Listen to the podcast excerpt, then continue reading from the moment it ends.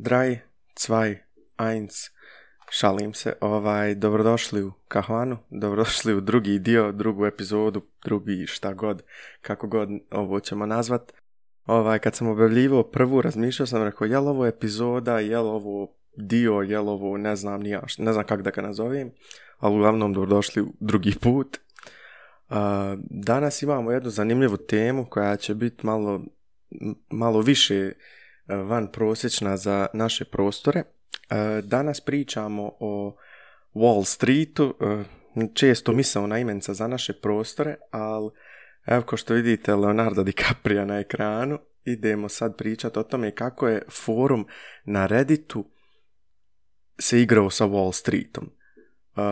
mislim, ti koristiš više Reddit od mene, možeš malo uvesti ljude koji ne znaju šta je Reddit, jer ono, to je kod nas rijetko u upotrebi.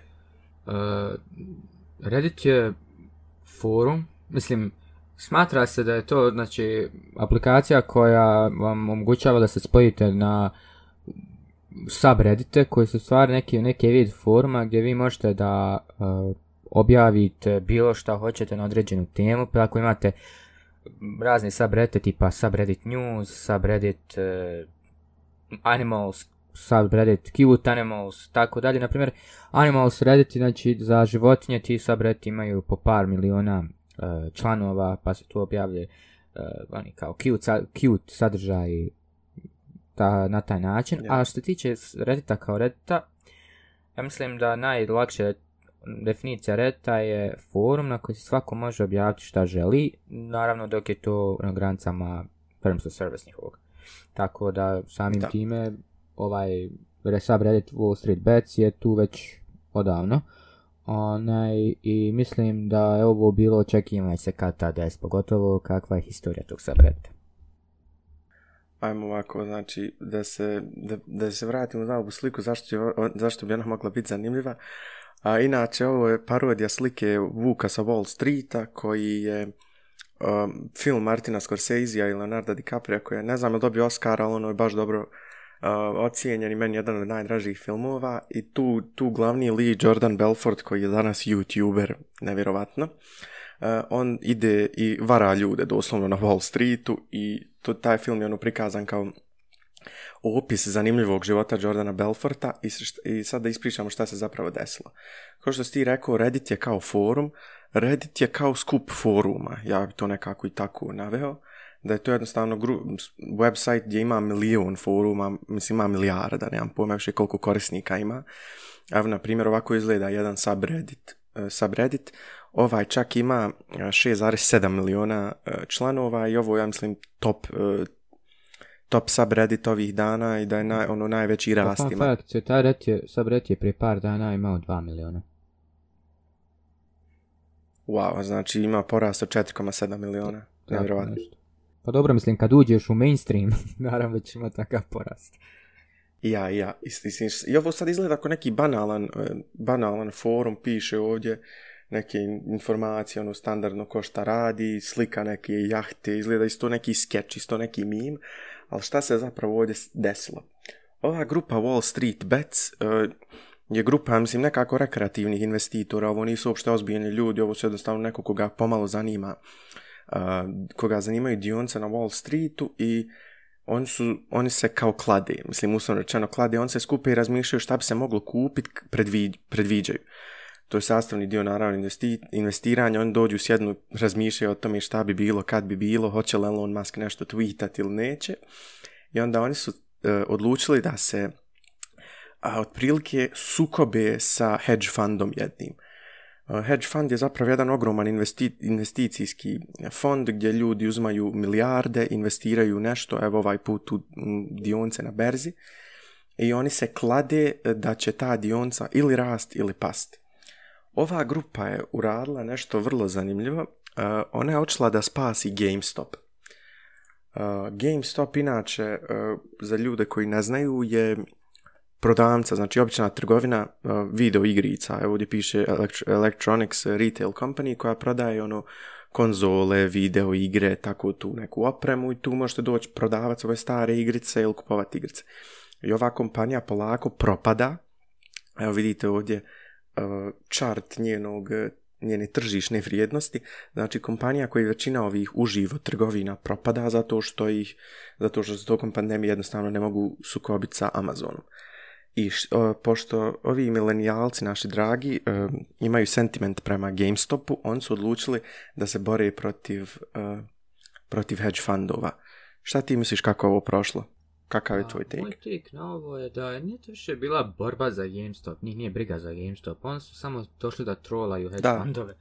Onaj, I njima je bilo većinom to da trole, a zašto se to desilo, znači neki user, korisnik sub, tog subreta je onaj, gledao šta se dešava i vidio je da eh, ti hedge fundovi uh, prodaju GameStop i čekaju da value padne i da kada, da ga, kada padne taj value mogu da opet znači to kupe nazad i da ostvari profit.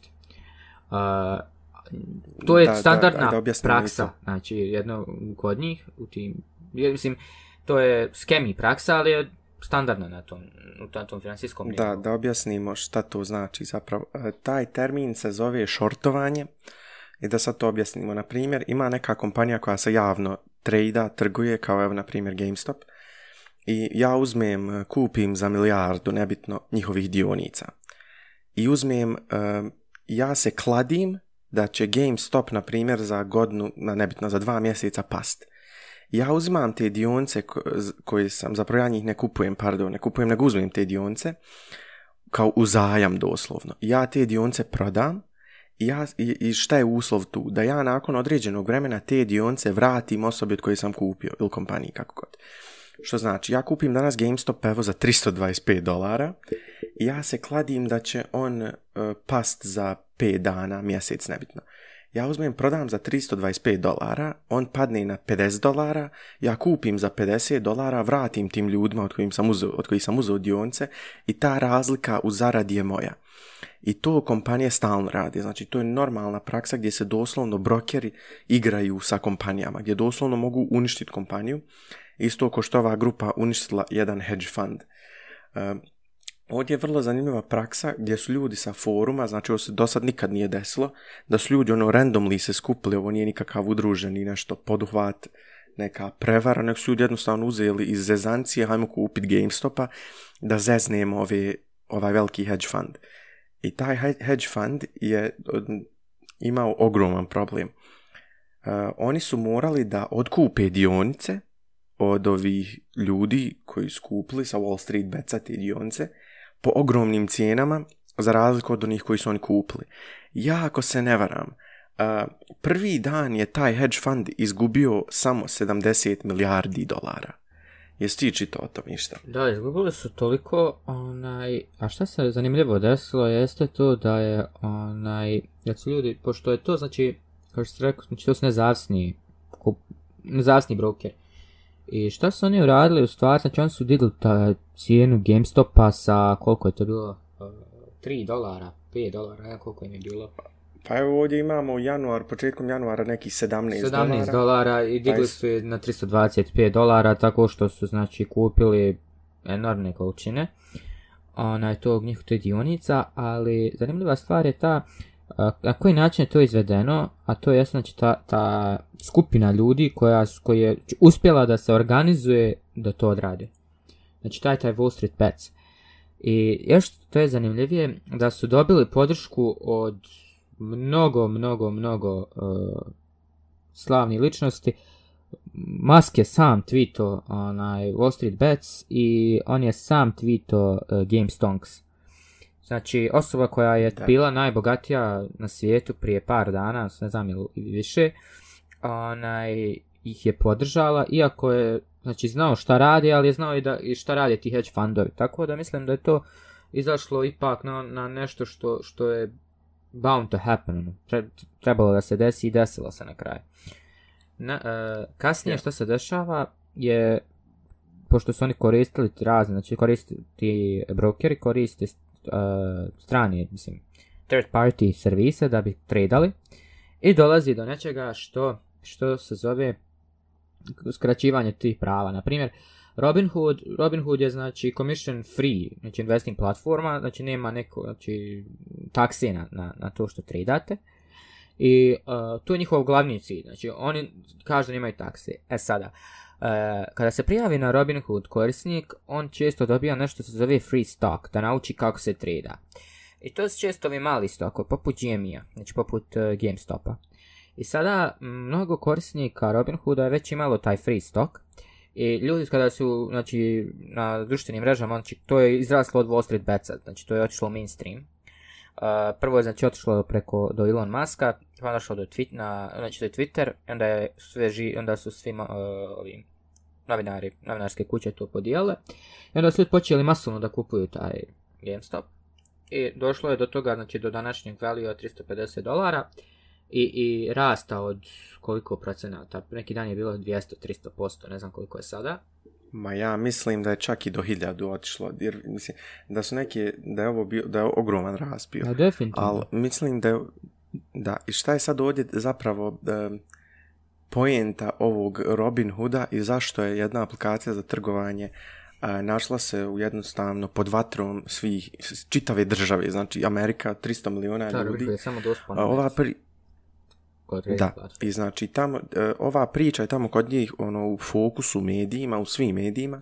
Kod nas se o tome ne priča, mislim, u nas ljudi možda i ne znaju šta je Wall Street. I, mada mislim da većina zna da su čuli bar. I, e, i ova aplikacija omogućava bilo kome da lagano trguje na primjer, ja skinem Robin Hood na telefon, odem i kupujem jednostavno ono, sa svoje kartice kupujem dionice. Ne moram ni ganjati brokerske firme, ni brokere, ne moram nikog, ne moram se jednostavno tu sa procesom kupovine dionica. I oni su to olakšali. Ali šta je ovdje zapravo caka? E, kompanija koja obrađuje sve transakcije e, Robin Hoodu e, je u vlasništvu zapravo Citadela. Ovo je jedna kompanija koja, znači Citadel Investment Group, koja kontrolše sve transakcije za Robinhood. Šta, ka, šta mislim pod kontrolše? To znači doslovno obrađuje. E, kad, na primjer, nešto, ne, svaka tristo, na primjer, ko PayPal, hajmo uslovno rečeno, ali nije. I sad, oni su e, i veliki investitori u GameStopu u tom procesu obaranja dionica. I oni kad su vidjeli šta im ljudi na internetu rade, da, će, da, gubi znači 70 milijardi dolara, mislim da su, da su dio tog gubitka, oni su doslovno prekinuli transakcije između Robinhooda i, i tržišta. Znači oni su u, ušli u slobodno tržište i prekinuli ga. Ovo se do znači nije dešavalo, mislim jer nije bilo ovih opcija naravno.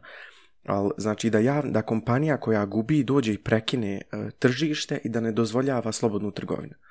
E, to, ovo je znači buhnulo u američkim medijima i Hood kao aplikacija je doživjela ogroman e, negativni rating od čak znači 100.000 ratinga im je samo Google obrisao. Šta se, znači, znači šta se ovdje desilo je, reci, reci. je servis ljudi su počeli da smatraju taj servis kao independent, kao da je, ne, da ali nažalost ne, ne može biti nezavistan zato što se bavi time, jer mora imati neke partnere. I kad se, znači, oni sada smatraju da je Robin Hood otišao da spasi svoje prijatelje na Wall Streetu. Ja mislim da baš nisu imali neke e, druge opcije, zato što samim time šta se desilo je to da ovi gube ogromnu količinu novca, ovi smatraju da je to ilegalno, na Wall Streetu, iako oni su to sami radili, ali drugačije se, drugačije se desi znači kada, kada neko neko nešto drugo radi. Znači pogotovo kada, vel, je to urađeno, na primjer, za vrijeme financijske krize 2008. Mnogi kažu da je ovo payback za 2008. Jer je sada opet sve došlo u, u ruke znači građanske klase na taj način. I oni su sada malo skeptični na to. E, Robinhood je znači sebe pokazuje kao aplikacija koja je za trading, za ljude koji hoće da tradaju i tako dalje, a onda šta urade? Urade to da eh, osobama otkažu njihovu kupovinu e, eh, GME stoka, znači tog, te dionica, još ih plus, znači imaju neke, eh, neke postovi gdje su čak prodali od ljudi taj stok za neku količinu na koju su blokirali taj trade. To je Znači, nešto što je u američkoj historiji neviđeno. Znači, to je, znači, ti automatski kreiraš, znači, unsafe, unsafe manner za trading. Iako si ti rekao da je to safe i da je to sve uh, sigurno independent. I sada su, naravno, ljudi krenuli sa uh, action lawsuits, class action lawsuits, sa tim silnim uh, pravi, uh, pravnim pristupom, ali ja nisam siguran da, da se Robin Hood nije već ogradio negdje u Terms of Service koji niko ne čita oko toga. A znaš šta je ovdje još jedna stvar? Robin Hood ko Robin Hood je, e, ja mislim, ne znam, ne sjećam se li to bio startup, ali uglavnom imaju svoje investitore koji financiraju, ono, koji su financirali pokretanje ove platforme, jer je toliko no je dobra ideja. Znači, svaka IT firma ima board of directors, ima investitore, naravno tako se tako radi. I onaj, ne bi me čudilo da je neki od investitora imao veze sa, Wall Streetom i da i on izgubio novac i naravno da je rekao ja ću se povući ako vi to ne odradite ili, a naravno vjerojatno je tu bio i, i, i vjerojatno tu se umiješale i ove, čuo sam da je e, SCA, taj njihov e, Secretary of Treasures, isto tako izučavala situaciju, tako ne bi me čudilo da se i tu nešto desilo. Onaj, ali definitivno da one nisu baš imali nekog izbora, a ljudi što se, što se kasnije počeli obrušavati na, na Robin Hood, je upitno zato što uh, Robin Hood treba da izađe na taj market, znači na Wall Street kao IPO. Znači to je kada firma dobije onaj dolar sign i dobije znači svoje ime RH, B i tako dalje. Onaj, I on treba da izađe na IPO i sada šta se može desiti? Može desiti da svi ljudi koji je Robin Hood skemovo ili šta već, mislim na kraju skemovo jer oni misle da se to desilo, onaj, mogu reći, ok, mi ćemo sada da kupimo e, IPO Robin Hooda, znači opet mogu vratiti istu stvar, znači da ga odnesu na 350 dolara i onda ga znači krešaju automatski i unište znači firmu. I to je moguće. Al da, al Kao ovdje se, mislim šta se ovdje zapravo ti spominješ board of directors, ja mislim da oni nisu imali izbora, nego jednostavno Robin Hood nije znao šta ih je snašlo, mislim niko nije znao šta ih je snašlo. I da, da, i ovaj zapravo Citadel koji kontroliše te te e, transakcije ih je blokirao. Nije, nije CEO Robinhooda došao i rekao, e, prekidaj ovo, nego su, nego su jednostavno im nisu dolazile ono kao, kao tradeovi. I sad doslovno sve jedan medij veliki u Americi pa čak i u Europi prenose oko toga da prenose to da je da je, da je neko se umiješao u proces slobodne trgovine, to isto kao ono da ti, da ti država dođe i prekine ti prekinuti one tvoje mogućnosti da trguješ Pa dobro, jedno je država, a jedno je kompanija kao taj Citadel, kako se zove. Da, i to se nije smjelo e, pa desiti. pa zato se morala nova klima u, u SAD-u stvoriti, a to je politička klima, a to znači imate znači, demokrate i republikance i nešto se neviđeno desilo, a to je da se oko jednog problema složili i demokrate i republikance. Znači, to je... Da, znači, ovo je toliki problem da, evo sad ćemo i to ovo Znači, ide tweet, you, you know it's been a wild day when AOC, Ted Cruz, Donald Trump Jr. and Dave Portnoy, kako se već izgovara, uh, agree on something. Znači, ovo je oštra ljevica i oštra desnica, znači se složili na nešto da je da market nam može više biti kazino, ko što Aleksandrija naša draga kaže i da se s ovim treba raditi Donald Trump e, junior, sin bivšeg predsjednika, se također slaže s tim. Mislim, malo, malo drugačijeg stanovišta, ali uglavnom slažu se da, da se ne smije e, Robin Hood e, praksa nastaviti, da se, da se ovako nešto ne smije desiti. I također Ted Cruz, znači da se složio sa... Se vidi na kraju šta mu je odgovorila uh, AOC. Ted Cruz? A, nisam, ovaj tweet ima 224.000 lajkova i on je prije dva To je tweet, znači slika njihovih, a na ti tweetove imaju puno više. E, šta je EUC njemu odgovorila je, onaj, prije tri e, sedmice si e, pokušao, pokušao da me ubijete, tako da možeš ovaj put presjediti, ali su ostali republikanci koji su za ovo, onaj, slobodno nek, nek se jave. E, tako mu je nešto odgovorila. AOC e je također otišla na Twitch i pričala o ovom. Ona koristi sad te e, platforme Gen Z generacije jer zna da su to next voter. Znači, Gen Z sada prelazi u generacija Z, kako mu zovu, Gen Z prelazi sada u generaciju glasača. I ona je našla veoma dobar način da s njima pristupi, a to je preko Twitcha. Tako da, tokom gaminga ili nešto nju prati 500.000 ljudi i 200.000 ljudi se zasi kako kad slušaju što ona ima reći. Ona tako širi svoje, svoja e, stanovišta na stvarima. I e, EOC, znači pošto je ona kongres I think, e, ona je znači utjecajna i definitivno što se tiče toga, mislim da će biti neki repercussion na sve ovo što se desilo. Kakav, to je upitno, a čak neki smatraju da je to što je, što je subreddit radio da je to ilegalno bilo kao. Da se organizuju te mase. Jest. evo našao sam taj tweet što spomnio, ima 300.000 lajkova i prvi reply je hoće li biti facecam. E, šta je tu zapravo zanimljivo kod, kod toga da li je to legalno ili legalno? Naprimjer, ja sad uđem na, sub, na, na Reddit, na neki forum, nebitno, pa da uđem na Facebook i napišem hajmo kupiti dionice e, ne znam, Mercedesa. Hajmo kup dionice Mercedesa.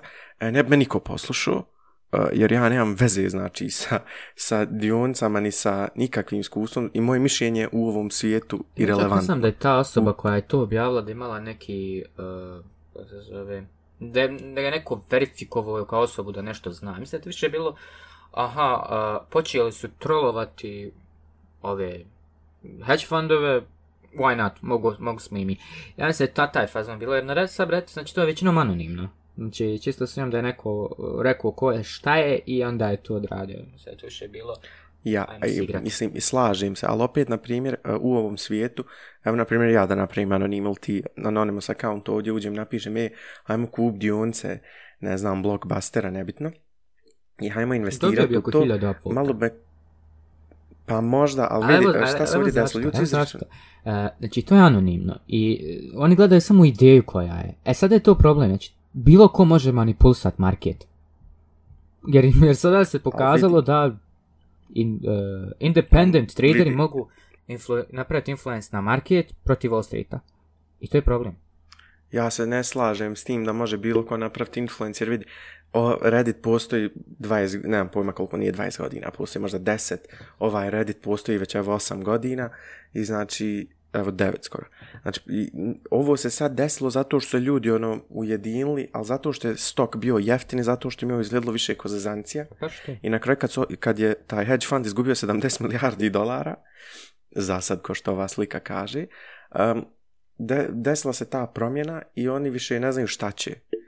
I onda se, će sad početi kupovati, ja mislim da je sljedeće dionice bila nekako Nokia ili Blackberry. Da, bio je Blackberry i vjerovali ili ne, bio je i AMC, e, American Cinema. E, a, znači, oni hoće da kupuju dionice američkog e, giganta za, za prodaju karata, za filmove za, u vrijeme pandemije. Znači, to je opet trolling.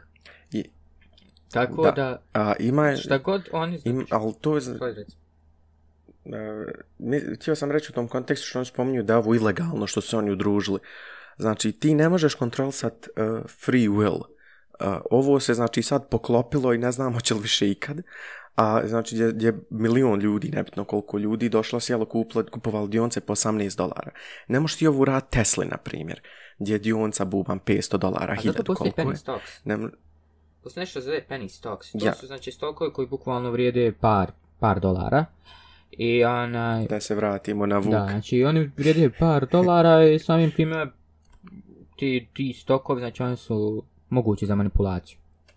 Tako da ne bi me čudilo da opet se nešto slično neke magnitude desi zato što sa Redditu za godinu dvije opet padni taj ideja na pamet. Tako da, ako, mislim, ako da ne bude vi... već onaj sankcionisan taj cijeli sistem prodaje i, i kupovine e, dionica na, slobodnom marketu, kao što radi znači Robinhood, ili manjih još tih aplikacija za to. Onaj, I isto tako na Robinhoodu sada dolazi do toga da ljudi cash outaju iz Robinhooda, a to što su vidjeli da nije nezavisan kao što, je, kao što su mislili, i onda idu na druge stvari. Pa neki koriste e, Ameritrade neki koriste druge, e, čak ja mislim ima i, i, i, investors, nešto kao na taj način, international investing, ne znam kako se oni zovu. Onaj, I ljudi na taj način također ulažu. A Robinhood je najvažnije e, nešto što Robinhood je na početku imao, a to je easy e, user experience za kupovinu dionica. Jer sve ostale aplikacije koje su na marketu, one izgledaju komplikovano. Znači, e, Cash App je čak morao da blokira e, prodaju tih dionica. Cash App koji je, znači, ja mislim, u, u, u, da njegov Square, a Square je pod Twitterom ili nešto tako. Onaj, on su morali znači da kupe taj, e, on su morali isto da ukinu to, vjerojatno jer je njihov partner im nije davao da, to, da se više kupuje i prodaje. E, onaj, njihov layout je taj koji je ljude privukao i kad prijedite na Twitteru zašto su ljudi e, bijesni zato što, i zašto nisu da postoje druge opcije, zato što su, kada je Robinhood izašao, to je bila jedina opcija za ovakav način tradinga. Znači da imaš dva, tri dugmeta, da kažeš koliko hoćeš da kupiš i da je to to. Znači povežete sa bankovnim računom i kraj priče, ti sada imaš znači stok. Znači koliko, koliko jednostavan taj njihov uh, layout. I to je glavna stvar zbog čega je Robin Hood tako brzo narastao. A isto tako ljudi, znači, pojavila se ta neka kultura da kada aplikacija ili firma nešto uradi da e, dobije stotinu hiljada down reviewova. Znači, jedan star review. To više nije ni efektivno, e, zato što, pošto Google ili Apple će to da mm, reversaju. Znači, ima tu slika, znači, će to da reversaju. Sada kad bi otišao na Robinhood, onaj, na Google Play vidio bi da se njihov rating vratio. Znači, bukvalno izbrisan taj rating od, od, od 0, 1, 0, koliko su već spustili. Robin Hood je imao ti svojih problema i kao što smo rekli da će vjerovatno dobiti bailout e, od, na neki način od, od vlade, mislim to za hedge fundove. A šta će Robin Hood dobiti? Robin Hood je e, za ovo kratko vrijeme kako piše i na Al Jazeera English, dobio čak jednu milijardu dolara lifeline da se spasi znači investitora, znači direktori board of directors koji već uspjeli su nažicat milijardu dolara da se vrate kao da se popravi. Eto, toliko o tom. Možeš misliti? Pa, ne morate to čuti. Mislim, nije će uvijek neko spati, što mislim, to je već kompanija koja ovisi mnogo ljudi on tako da mislim neće to... Eto, on sam već dovoljno izrasli, še nisam startup, jer ću skoro biti IPO, tako da... Ovo je nevjerovatno stvarno. Imam sad jedan zanimljiv tweet još, ovaj, koji ima 1,2 miliona lajkova gdje kaže ono, gdje kad bogati ljudi, inače ono buržuaze ili kako već milijarderi u Americi kažu, ono, zašto, zašto ono, siromašni ne investiraju svoj novac pa možda i oni postanu bogati. I na kraju ovi siromašni investiraju GameStop kao što su ovi uradili i onda se ovi milijarderi žali šta se zapravo desilo. E, kad, kad su u pitanju taktike, pročitao sam još jednu zanimljivu stvar.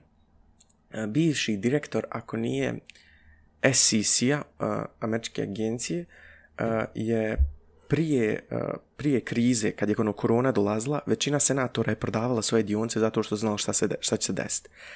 On je, on je došao na TV, e, rekao da će se desiti ogromna kriza, da će hotelijerska industrija propadat, da će propast, da će, da će ta industrija propadat, kad je E, nakon svog TV nastupa, možda na CNBC-u ili tako nešto, dionce ono, ogromnih hotelijera su pale, on je došao i sve to pokupovo. Znači, tip je doslovno se igrao s tržištem i ono isplanirano odradio svoj javni nastup da obori tržište i da bi to uradio. A sad kad to ljudi ono urade njima, mislim pričajući generalno tim ljudima koji se igraju sa tržištem, onda je to ogroman problem. Bukvalno je to napisao ovaj Twiteraša. Znači, bilo je očekivano da će takav čak biti respons, tako da mislim da je to sasvim normalno što se desilo. Sljedeća priča je ovaj video koji sam ja pregledao, zove se Izgubio sam 27 miliona dolara. ovo inače Alejandro Salomon iz Kalifornije, mislim živi u Kaliforniji, milioner, ima neka skupa auta, snima to na YouTube, inače ima neke svoje kompanije i tako zarađuje novac.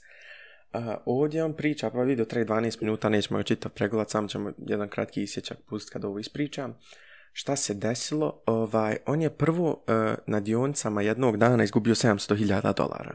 On je imao neke, e, neke, neke ono, dogovore, neke opcije i izgubio 700.000 dolara na osnovu toga.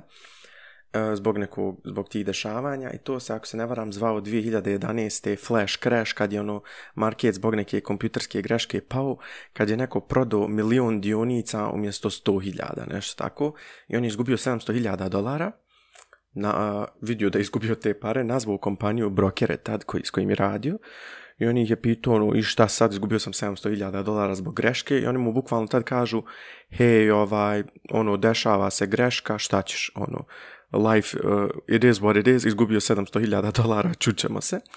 I on je ono, tad se naljutio i odšao dalje da radi i odnio i dalje nešto trgovo. I kad se desila neka druga uh, situacija, on je zaradio 27 miliona dolara. zbog neke isto tako, zbog neke opcije koju je imao, slučajno, znači neplanirano, zaradio 27 miliona dolara. Uh, I to zbog greške i onda ovaj put je on njih nazvao i sad dolazi ta priča šta se zapravo izdešavalo kad je, kad je ušao u razgovor sa tim svojim brokerom. That's a lot of money. So, I'm making all these plans as I'm calling my guy to let him know, guy, guess what? We're pulling the fucking money out. I got $27 million. I'm rich, bitch. I don't need to fucking be doing this anymore. And the guy goes, oh man, so funny that you called because believe it or not, that was a computer error. And I go, so what? That's not a problem. We know, you know, it happened with a flash crash. I lost $700,000. I just happened to win $27 million today. So the balance, you know, even though it was a little bit like this, it went up like this. And I appreciate that. So please, sir, give me my $27 million. He go, oh no, I can't. I can't give you the money because it was an error. And I go, let me ask you this. Do I have $27 million in my bank account? Is there $27 million in this account? And the guy go, yes. There is, but I can't give them to you. And I go, uh, Can you please explain that to me? And he goes, Yes, there's a mistake. So when there's a mistake, we're protected so that we don't pay dividends on those mistakes and that people, you know, we don't have to go get the money back. And I go, But you took all my money the other time. What's different about this one? And I go, The only difference is that I won instead of you, and now I can't win. So what you're saying is that the house always wins. And there's like a, a long silence.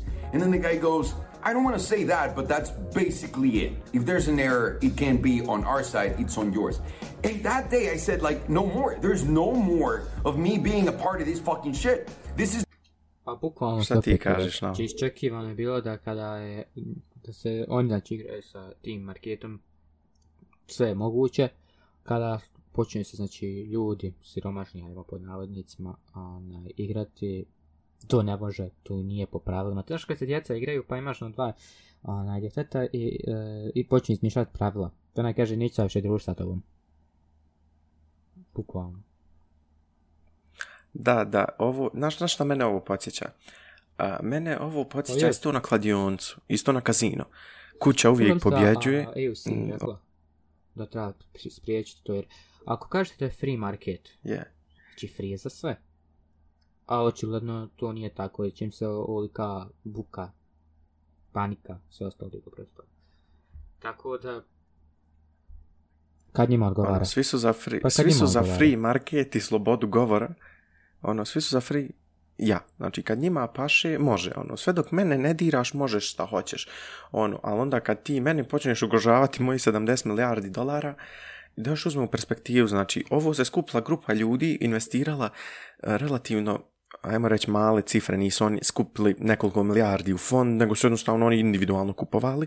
Ovo znači hedge fund koji sjedne danas, malim, a znači nisu oni imali milijarde, nisu oni hedge fund koji dođe danas i na primjer kladi se da će bubam Apple izgubiti vrijednost, da će on doslovno uništiti tu kompaniju, i kad oni to urade, to je ono, ok, ima nikom ništa, znaš, sve ok.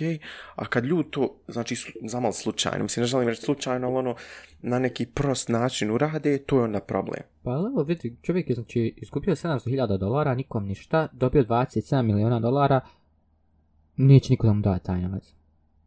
Ja, mislim, mislim, bi, mislim, pare su njegove, on je, on je dobio te pare, treba da ali ono, eto, on se osigurani mora i vratiti. Da li ih je tužio, mislim, pa nije tužio, a onda je, onda je odustao i na kraju vide, mislim, ako e, neko Sad je mogu da pogleda. vratiti taj mač. Jer onaj uh, lik što je, što je, mislim, pokrenuo sve to da je iskeširao do sad. Da je ako je bio pametan iskeširao. Jer onaj, šta se desilo, znači, ima Wall Street Pets Humanitarians, ali nešto tako, ima subreddit na kojem se šeraju ili wholesome. Uglavnom, e, širaju se e, šta su ljudi koji su dobili od GMA stoka uradili sa svojim novcem. Neki su otplatili e, student debt, neki su dali u novac humanitarne svrhe, neki su, znači, uradili neki human način, nešto na humanu. Znači, nisu sad zadržali, što je ono zanimljivo vidjeti. Ma da. Kad, mislim, da su ovi dvostretani, oni vjerojatno sebi izjeli jednu jahtu, dvije, šta fali ali tačno tako jer vidi, ovi ljudi svi koji su ovo uradili, ovo znači prosječni ljudi, oni su milioneri, znači milioneri ne pričaju o investiranju u kompaniju koja propada realistično poput GameStopa, i nego oni su danas jeli, je, ajmo kupiti ovo iz nekog sentimenta, iz neke ono, zamal zezancije, koja je na kraju postala nešto vrlo ozbiljno. I znači, ljudi, i na kraju ovog videa, da se vratimo i na to, čovjek kaže, ja se od tad ne igram više sa, sa burzom, jer očito se ne isplati, ono, osim po 100.000 dolara, tako je nešto rekao, ono, ne idem preko 100.000 dolara, tad se nešto oko pomalo, mislim da je jedno vrijeme je prešao čak na kriptovalute i to, i kaže, ja ne želim, ono, investirati neke svote novca ozbiljne, i onda da mi dođe onako jednostavno pukne ko kladionicko da sam stavio na ruletu, ono, na crvenu. Da kažu ti error. Computer error, niko nije odgovoran. A ima još jedna scena. Znači, nisam ovo uspio spasni, e, ne znam, nisam uspio pronaći. Ima slika iz 2008. godine, znači kad su brokeri na Wall Street, znači e, svjetska ekonomska kriza, ono, havarija na svijetu, ode ekonomija u herlač, ne, ono, neće se popraviti nema šanse. E, brokeri na Wall Streetu, ono, u full odjelima, ono, sad Armani, Hugo Boss, piju šampanjac i smješkaju se zato što su se igrali sa milijardama dolara, dok je čitava svjetska ekonomija krahirala. Bukvalno. Pa sad im se vratilo. Sad im se to pa vratilo. Ali vidi, vidi, vratilo im se ma ni jedan posto šta su pa, oni radili. Znači, ljudi imaju sve što su imali, samo je sad koje... Mislim, hedge fund će dobiti bailout od, od, od eh, vlade, to je 100%. Mislim je sve dobiti 2 milijarde bailouta. U roku od dana. Ja, i znači, i znači ti sad, znači prosječni čovjek, prvo ljudi u nas ne znaju niš kako investirati, ni šta investirati, tamo se burza, berza u BiH ti se ono svodi na promet od 200 maraka dnevno. Dobro, Zim... baš 200, mislim da je oko 10.000. Ma ono nešto sitno i i svaki put kad izađe u medijima da se neka transakcija dešava na toj berzi, to je doslovno akvizicija, ono kad neka kompanija dokupuje e- equity u drugoj ili ono preuzimanja. Nema ono da sad, nema, nema tog mentaliteta u nas investiranja da sad odemo, ne znam, da ja sad imam 30 godina i da ja odem kupit uh, 20 dionica u nekoj kompaniji Bubam Bosna lijeku, nemam pojma. Mislim, ljudi u nas za toga i nemaju novca. Znaš što je, pa, ljudi, ja pričam puno sa Amerikancima, sa, sa tim dijelom svijeta. Ona, I kad sam ih pitao da li su oni sjeli na ovaj trend, odnosno da li su otišli na trend, znam da li koji... mislim, mogu je to da odradi, jer znači ima čovjek Tesla. E, I znao sam da je mogao to da odradi, ali je on na kraju rekao, nisam, zato što sam kasno saznao za to. sam to saznao prije 4-5 dana, a to je već bilo jedan dan aktivno da je saznao znači je bilo 2-3 dolara, odnosno 17 dolara koliko već je bilo, tad bi uzeo te dionice, znaš. Ali, pošto je saznao kasnije kada je to već naraslo, od toga nije bilo ništa.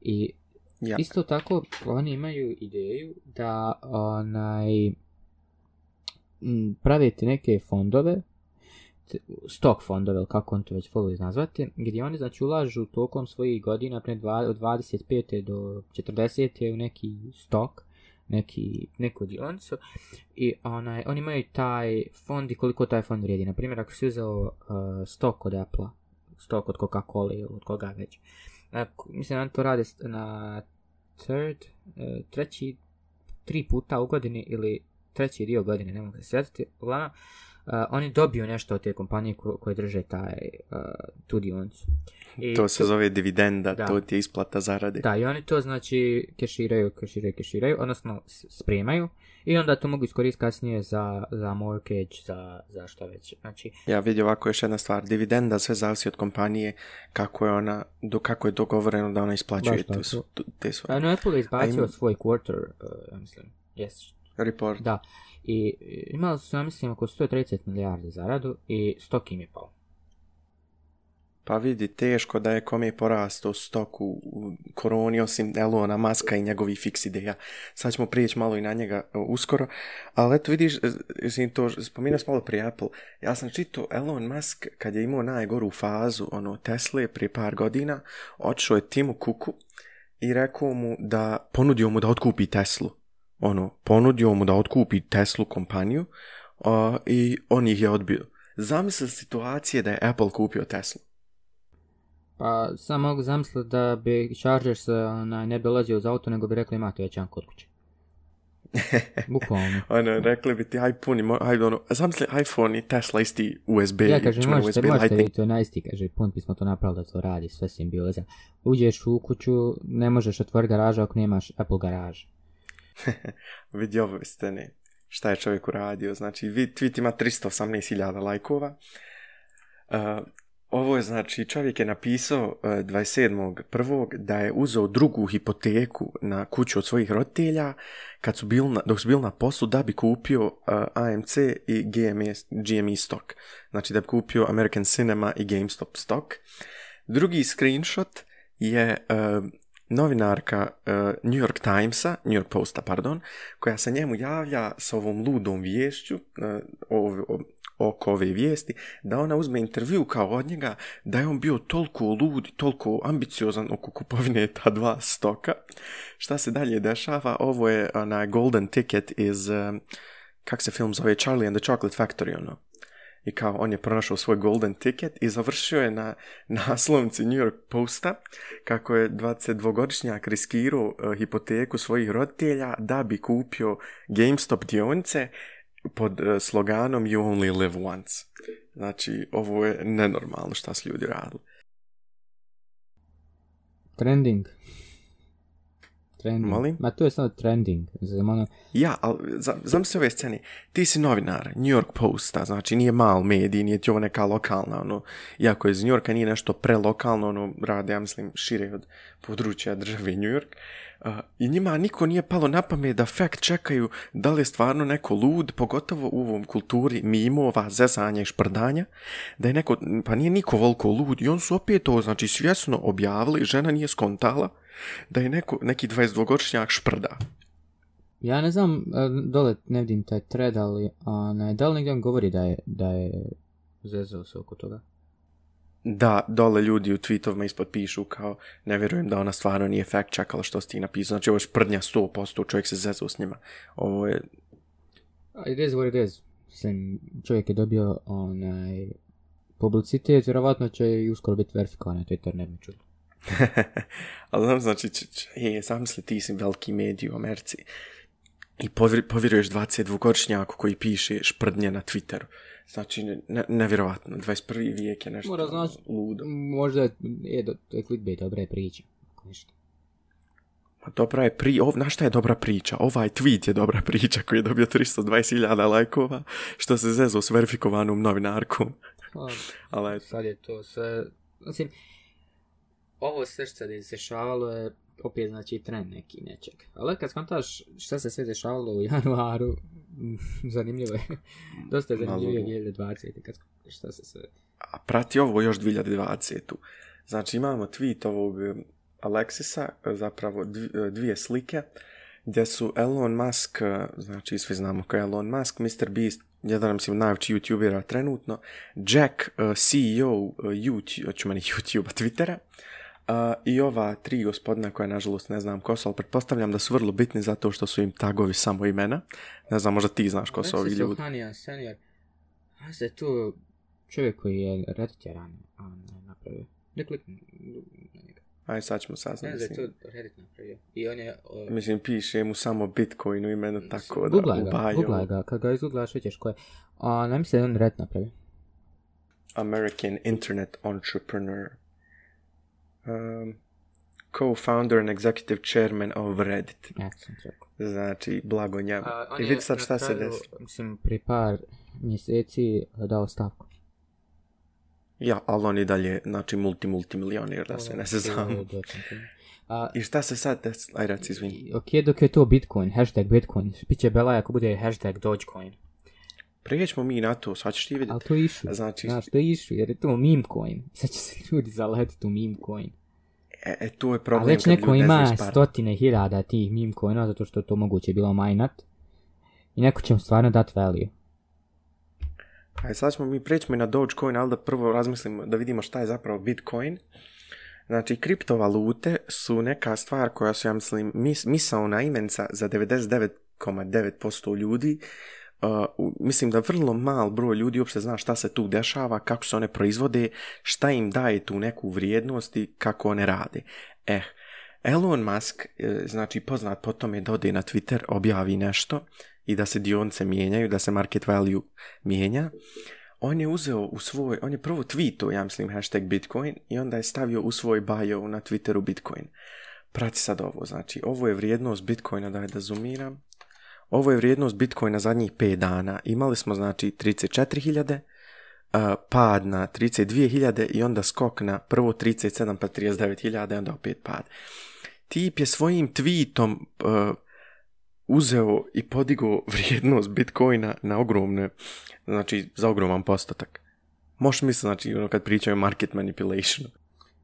Pa, ja ovdje što vidim, onaj, ok, ljudi su znači zainteresovani za, Bitcoin već ima vremena, znači 2015 je to bukvalno, ali ja sada nikad, na primjer, ne bi otišao i kupio Bitcoin, ja bi sada kad bi investirao u kriptovalutu, ja sam napisao sam na Twitteru, onaj, kad napunim 18 godina, tad će biti legalno, legalni age da investiram u kripto i definitivno da ću uzeti par kriptovaluta, a vjerovatno će to biti Ethereum.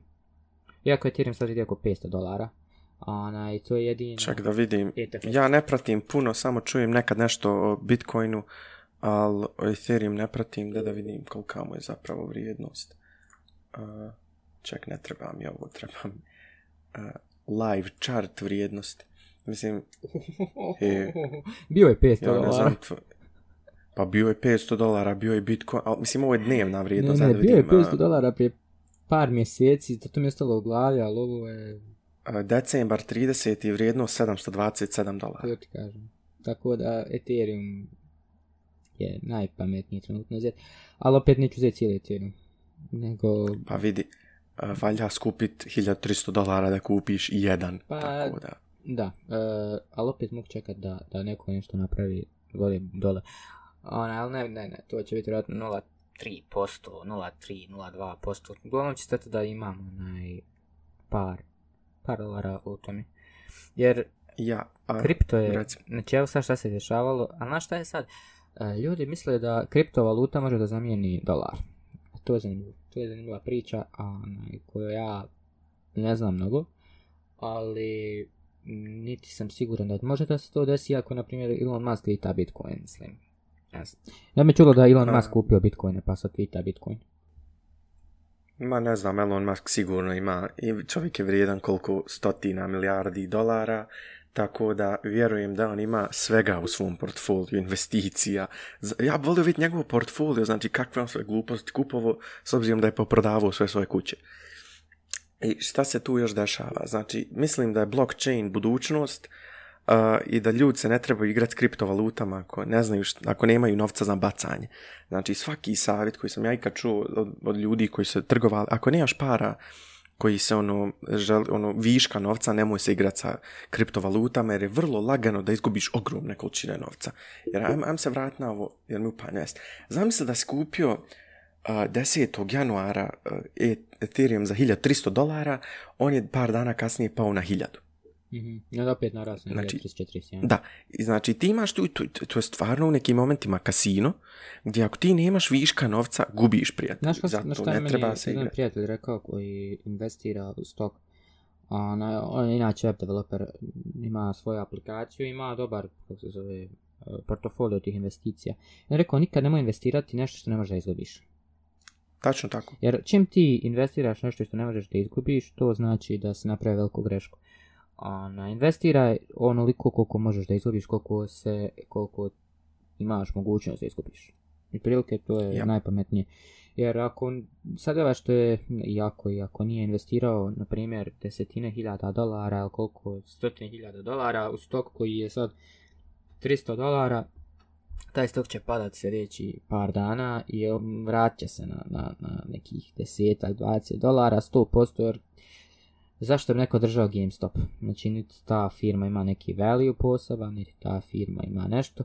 Kogod je pametan iskeširat će se čim je dostiglo, znači, pik. Um, ovaj, tako. I njihov CEO treba da se da iskeširaju čim je dostigo pik, znači, ćemo iskreno. Ja. Kad su investicije još u pitanju, najsigurnije investicije kad je u pitanju ono da, da ti novac na što ne skače su nekretnine, zapravo prvo zlato, srebro pa nekretnine i to je ono nešto što neće gubiti vrijednost, to je otprilike ono safe investicija, neće biti neke velike zarade na tome, ali neće gubiti vrijednost. Ono. Kad, evo, kad još nešto pogledamo što je zanimljivo, ovaj, US dolar, znači jedna ono kao najjači valuta na svijetu, ima ovakvu tendenciju, znači 10. znači juni, evo, prošle godine, eh, u odnosu na bosansku marku, pošto je to naša kao referenca, ili sam 80 centi trenutno, bio 1.65 u augustu, pa pada, pa znači tu oko 1.7 i početkom ove godine, znači pada čak na 1.59, ispod znači 1.6 i vraća se. A vidi ovo, april prošle godine 1.8. Znači vidiš šta se desi kad printaš novac i kad, te neko, kad, kad Bitcoin raste, a dolar pada. Pa, to je sad kad vidiš mislim taj chart kad gledaš onaj i kad gledaš taj chart donekle možeš da, da razmišljaš tako, ali 1.61 je na osnovu na našu valutu, ali na primjer euro, euro je ja mislim dalje oko, oko 2.0, 1.9. 1.95. Da, tako da američki dolar se nije, nije najjača valuta, to je definitivno, ali ovo nama ide u prilog. Ono, pa vidi, bosanska zato što, sad kad nešto ne može 30 da se, dolara, ne da... više nije puta 2, sad je puta 1,61. Tako da puno bolje ide prilog. Ali još jedna stvar. Mislim, prvo eh, državama ne ide puno prilog da su im prejake valute i što kad je bio problem sa švicarcem i kad je švicarski franak skočio, to, to znači nisu, ne, on ne želi da im bude valuta prejak.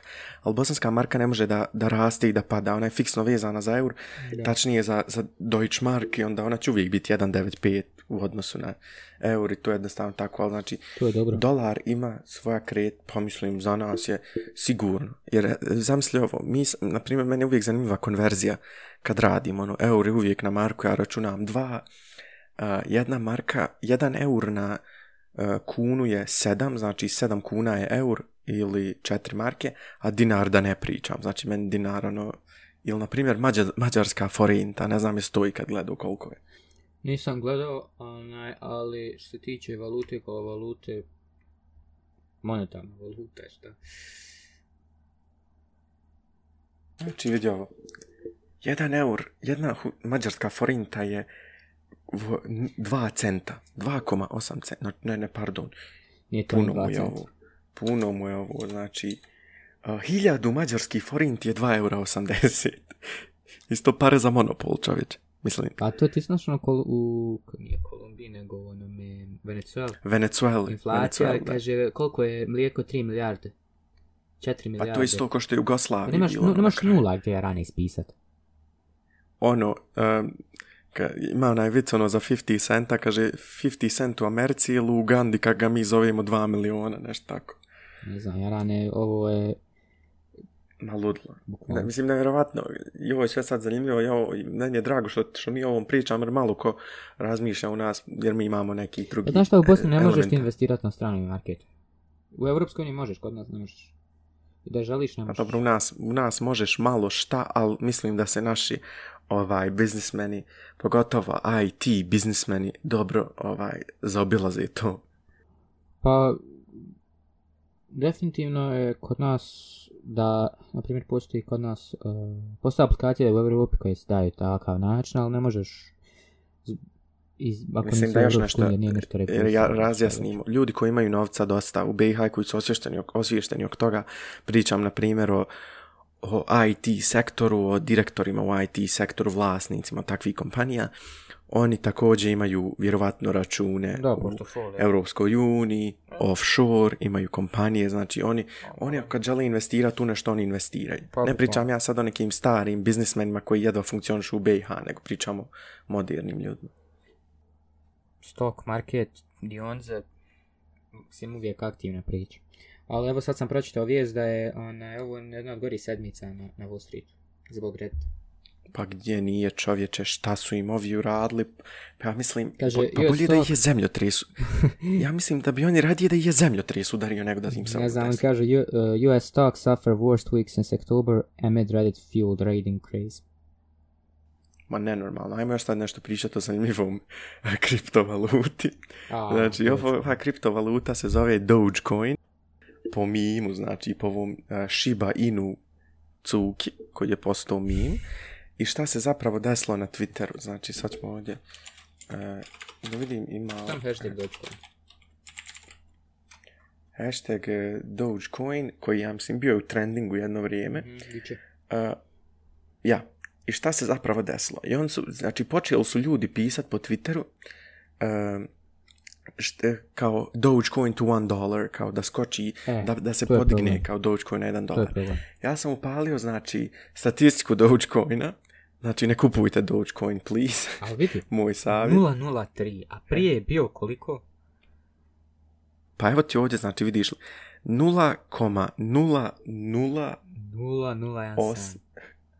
8717. To ti kažem. Znači, ni, nije vrijedio centa. Koliko je narastao? I, i, ja, i znači januar 28. Ovo je znači sedmični e. prikaz. Znači 7 dana. Sad ima value. Kako su ljudi počeli tweetat, vidio, skočio je čak na 0,7 na piku. To je 0,77. Znači vrijedio je čak 7 centi, skoro 8. to je I onda je sad logično pao. I mislim da ovaj tweet od malo prije ovaj dobro objašnjava to. Uh, Dogecoin last night and this morning. Uh, pa to je neko, kad ćemo mi da je Dogecoin otišao na pik, taj je trebao iskeširati se. Jer Jake Paul, lik je milioner, onaj, jedan je 2020 nekad u junu onaj tweeto za Dogecoin da kupi ljudi Dogecoin. Nije kupio Dogecoin.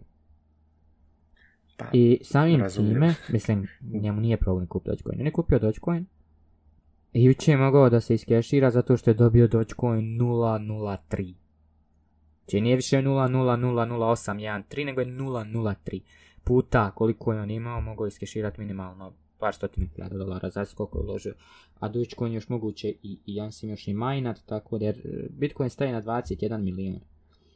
E, majna ni Bitcoina. Sad onako ko će stati, ovo ne znam. Jer evo ukuca 21 puta, 21 e, milijun puta trenutna vrijednost Bitcoina, vidjet ćeš kolika je to koliko to koji je market cap, da. ja razumijem. Ali mislim, ljudi, a vidi ovo, imaš još jednu stvar. Ljudi su naivni.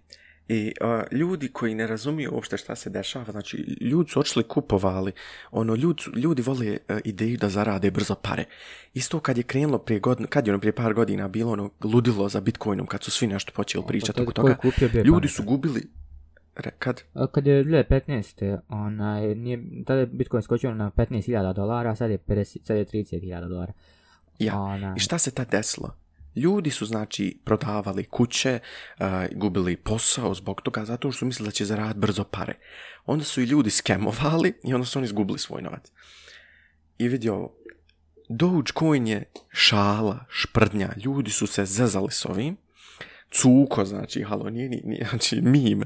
I ljudi su očeli kupovali, ovaj, imaju ovi ovaj milion, ljudi su kupovali e, Dogecoin, vjerovatno, i gubili na tome. Znači, ne, razumijem kako im nije jasno da, da internet je pola šprdnja. Ali ja sam sada, znači... onaj, danas sam vidio prijatelja mog koji je kupio 426 Dogecoina. koliko je to dvije marke, jel ne znam. ne znam koliko je 426 Dogecoina, ali ako bude Eh, koliko je se smatra da će biti, kad dosigne 1 dolar, to će biti veliki profit. Čekaj, koliko znači 426 puta, znači, evo ga, ovoliko. Za 14 dolara. Ajde, smanjim ovo. Da smanjim. Znači, nije dvije marke, moja greška, ovaj, 14 dolara je čak kupio Dogecoin. A, ako dođe do tog, ako sad bude 1 dolar, to će biti profit skoro. Pa 426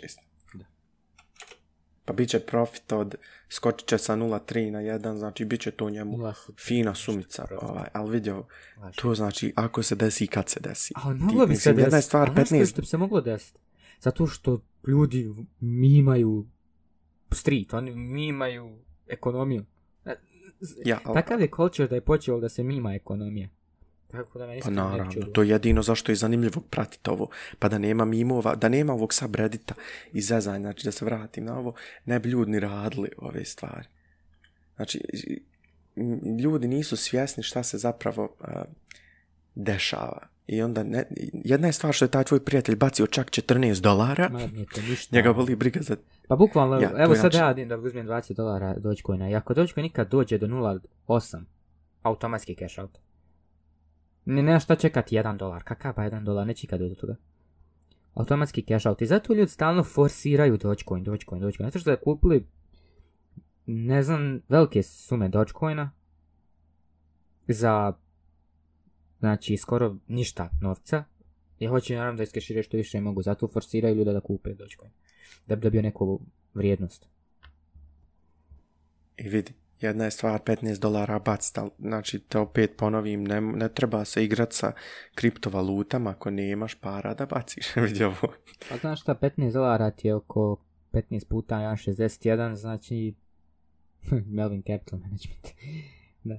A, naj, to ti je neki koliko sad, manje od 30 maraka, tako da nije to toliko, kolika, koliki može biti profit, ali ono, Bar ja, ako uložite tako nešto, morate paziti da, da izađete na vrijeme. Inače, bez veze. Tačno tako. Ovaj, prešli smo znači neko ludlo 21. vijeka što su sjeli ljudi ovaj, se sa GameStopom. A, isto sa Teslom, isto kad Elon Musk je ono napisao da će privatizovati Teslu, sjećaš se toga, čovjek je rekao da traži um, dolara u stoku. Možeš li ponoviti? Nisam Mislim da je rekao da privete za Tesla na 500 dolara po, po dionici. E, često 20 čak. Ja, ako se ne vram, ono, kao za Zancija 420, on je tad to rekao da hoće privatizovati Teslu, ono što, što baš ne možeš javno napisat, i tad je te, dionica Tesla ono skočila, A, nije izgubio. i onda je on dobio, on je dobio na svoje ime 20 milijuna kaznu dolara i Tesla je dobila 20 milijuna dolara kaznu kao kompanija. I... Još su mu zabranili da bude kao CEO. Yes, nešto. a ko je sad CEO? Pa ne, mislim, on je, ali nešto su mu zabranili, kao da ne može biti. Ne znam, šta s njim mogu zabraniti? Ne, ne, ne, on su njemu kao rekli da on Znam, ne može biti... Znam, se priča, ne, mislim, ne neko povjerovao to da je neko Maja, nešto on zabranio. Ma debolan, on je tad bio vrijedan, ja mislim, 40 milijana. Slučajno, SpaceX ova neka ekspedicija. Umjesto da sleti na, u okean, sleti On je tad bio vrijedan 40 milijardi dolara, ja mislim i tad mu je bilo šprdancija baci 40 milijuna. Da, ranije pa prije znači, godinu dana bio vrijedno. Evo, august, august 31. 498 dolara vrijednost dionice. Da. A... I onda pratimo sad kraj godine. Ona pula market close. 50... Na, ovo je znači bio 26. januar, pri 4 dana, 883 dolara. Zadnji pet, a, vid, a vidiš sad ovo šta znači e, izgubiti, da ti padne bolan za dan, u danu ti padne sa 860 dolara na 820. Ako ti nemaš para da baciš ovu razliku, ti se ne smiješ igrati s onim. I mislim da je to vrlo bitna poruka da se ljudi ne igraju ne bi ja investirao u Teslu. Kad bi investirao neki stok, bio bi Apple, bio bi Twitter i, i... Mislim, Twitter, Apple... Ne znam da imam Facebook, ne, čak ne mi je Facebook. Već ovo, imaš stvar koja se koji ljudi zovu safe kompanije. Sigurni bets koji ljudi investiraju. Prati portfolio uh, Billa Gatesa uh, koji je... Šta je čovjek uradio? Znači, najveća mu investicija u... Ne želim se registrovati na Pinterest, sorry. Please. Please open u fullu, ne daš, hvala. Uh, ima Berkshire Hathaway, to je kompanija njegovog prijatelja Warrena Buffetta, ispod ima znači Cat, Walmart, UPS, FedEx i još nekih kompanija znači koje je on investirao i ko, jao što volim ove slike na Google čovječ I znači imamo evo i Warren Buffett isto vrlo bogat Apple, Bank of America. Bukvalno Apple, Coca-Cola. Apple 100%. Apple je Apple je takva kompanija da oni kada bi godinu dana ne bi dobili nikakav profit, oni bi mogli sam sebi izdržati. I svojih rezervi. Godinu dana bez ikakvog profita. A što je nemoguće, da niko ne kupi jednu aplikaciju, što da niko ne, ne kupi iPhone, neki uređaj, znači oni bi mogli sami svoje, svoj dio, svoje operacije godinu dana bez profita uvući. To je skoro nemoguće. Ma ludilo na, nevjerovatno šta ljudi rade. I desat sad skontaj, znači, o, čemu mi pričamo, o, o, o čemu ovaj, ostali ljudi pričaju. I zato treba pratiti kahvanu. Ovaj, jer ove informacije, ja mislim, nisam vidio nikog da je kod nas o ovim stvarima pričao. Mislim da je pravio ovakvu neku emisiju, vjerojatno će biti. Ali ovakve vijesti, mislim, ljudi u nas jednostavno ne, ne mogu, kako će neko razmišljati o ovom kad oni imaju elementarni problema onaj koji su puno, puno preći od investiranja. I da se da ovo sad privedemo kraju i vratimo se na našeg Leonarda DiCaprio Imaš kakvu poruku za kraj? E, ako ćete investirati u bilo šta, obavezno, obavezno pročešljajte market, investirajte low, sell high, e, iako, je ako, ste u situaciji gdje živite kao im, i mi, kao nas trenutno, onaj, nije da imate neku opciju da investirate, ali definitivno pratite ovaj sadržaj. S, ne nužno subred, pratite samo dešavanja u tom ekonomskom svijetu, jer ulazimo zanimljiv, zanimljiv, zanimljiv dio uh, čovječanstva gdje na veoma zanimljive načine ljudi udaraju protiv velikih korporacija. Tako da, onaj, mislim da ovo nije kraj definitivno, ali će biti još dosta svakih stvari. I ako ćete kupovati Dogecoin, kupite ga kad bude 0,000 opet, a ne sad na 0,3. Ja sam pročitao jednu vrlo dobru vijest, kaže eh, the market can stay eh, the market can stay uh, unlogical longer than you can stay liquid ono, tržište će ostati duže besmisleno, ono, evo ko što se ovo desilo, nego što ti imat para da si igraš s tim, tako da čuvajte se, slušajte kahvanu, vidimo se sljedeći petak.